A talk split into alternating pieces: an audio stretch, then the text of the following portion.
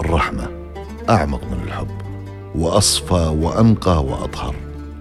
الرحمة فيها الحب وفيها التضحية وفيها إنكار الذات وفيها التسامح وفيها العطف وفيها العفو وفيها الكرم. كلنا قد نكون قادرين على الحب بحكم الطبيعة البشرية ولكن كم منا غادر على الرحمة في زمن قاس بلا رحمة؟